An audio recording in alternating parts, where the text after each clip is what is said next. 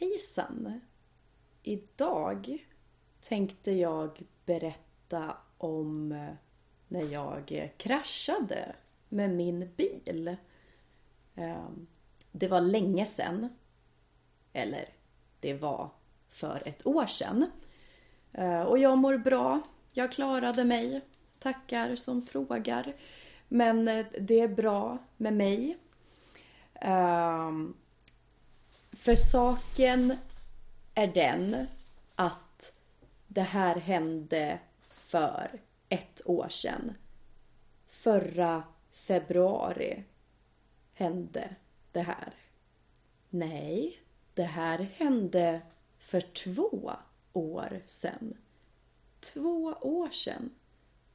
Ja, i alla fall.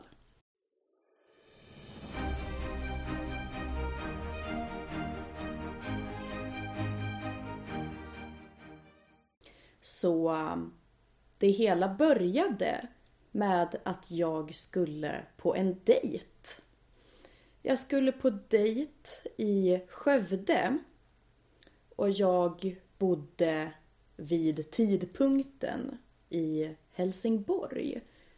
Så det är typ tre fyra timmar att köra. Och jag kom iväg väldigt sent. Så jag hade en timme kvar ungefär när det här hände. Och det som hände var att det var en kurva. Alltså att vägen svängde av mot höger. Den var liksom böjd vägen. Så den, ja, inte rakt fram utan en lite, liten kurva till höger. Inte en skarp kurva, men tillräckligt mycket kurva. Som jag sa, det var i februari. Klockan var sju på kvällen. Det var kolmörkt. Det snöade ute och det var cirka 10 minus. Och det var glashalt. Det var väldigt, väldigt halt. Det var liksom blank is. Den var... I alla fall, jag hade inte en chans. I Sverige kör vi på höger sida av vägen och jag körde på höger sida av vägen tills jag inte gjorde det längre. Isen var så hal att jag i kurvan kom över i fel körfält. Jag kom över på vänster sida. Och det fanns ingenting jag kunde göra. Jag bara gled. Det jag vet är att man inte ska göra hastiga rörelser. Så jag försökte försiktigt räta upp bilen. Få bilen rak, eh, räta upp den. Och komma över på höger sida igen. Men eh, det gick inte. Och längre fram så ser jag ju att det kommer en bil. Det kommer en bil i mitt körfält eftersom jag är på fel då. Jag är i fel körfält. Så den här bilen kommer från andra hållet. Och jag tänker, kan de inte stanna? De måste stanna. Och sen inser jag att Victoria, du kan inte stanna. Varför skulle de kunna stanna? Så jag börjar tuta på tutan för att varna dem så att de ska förstå att någonting är fel. Och sen vrider jag ratten åt höger, höger, höger, höger. För jag måste bort från vänsterfilen. Bilen kommer, det kommer en mötande bil. Jag kan inte vara i vänsterfilen. Och som tur är så kommer jag ju... Bilen börjar svänga till höger. Och den svänger till höger, höger, höger, höger. Tjoff! Rätt ner i diket. Um, så, ja. Och det gick så fort. Hela händelseförloppet kanske var tio sekunder. Kanske inte ens så mycket. Det gick så fort. Och sen sitter jag i 45 graders lutning i diket och tänker jahapp, jahapp. Klockan är sju på kvällen. Jag är mitt ute i ingenstans. För det här var liksom i skogen. Det var inte någon stad här. Um, och jag tänkte att uh, ja, jag får ringa en bärgarbil. Jag måste ju bärgas. Liksom. Och jag tänkte att fy fan, det kommer bli dyrt. För det är ju sent på kvällen och, och så. Och mitt ute i ingenstans. Och mina föräldrar kan inte hjälpa mig. Då jag eh, bodde i Helsingborg. Och de nära Stockholm. Liksom, de, de kan inte hämta mig. Jag var helt själv. Jag var två, tre timmar från Helsingborg. Jag, jag känner ingen i närheten av eh, där jag körde i diket. Men jag hade sån jävla tur. Den här bilen jag nästan körde på. De stannade, gick fram till mig och frågade Är du okej? Okay? Jag, jag, var helt okej okay och så. Och de sa Men gud, kom in till oss. Du kan ju inte sitta här ute och frysa. För de bodde 300 meter därifrån.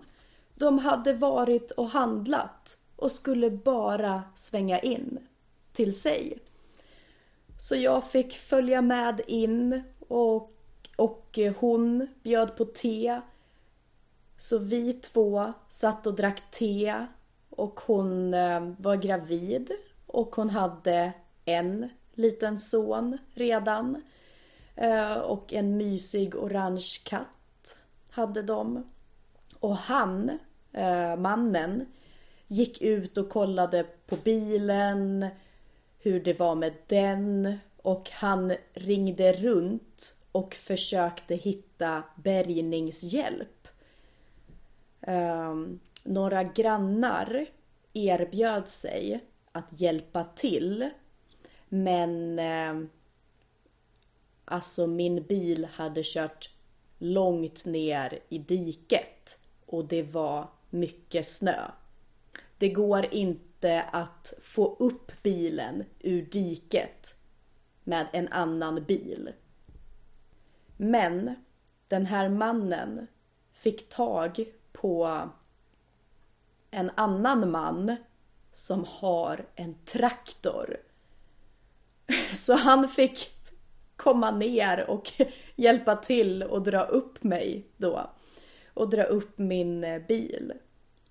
Så en timme efter att jag kört ner i diket så drog de upp mig och jag kunde åka igen.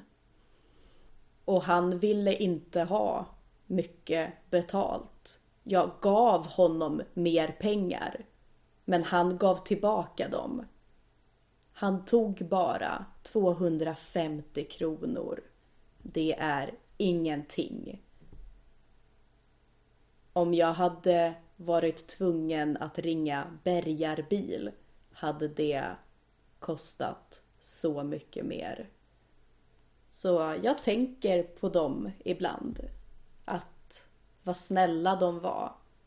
Och jag har tänkt det att jag vill åka förbi och ge dem en liten korg. En korg med en chipspåse, lite ost, en champagneflaska, liksom sådär. Men det har inte blivit av. Eftersom jag aldrig någonsin är i den delen av Sverige. Men jag kommer göra det nästa gång jag är i det området. Jag vill liksom ge tillbaka till dem. För de räddade mig verkligen.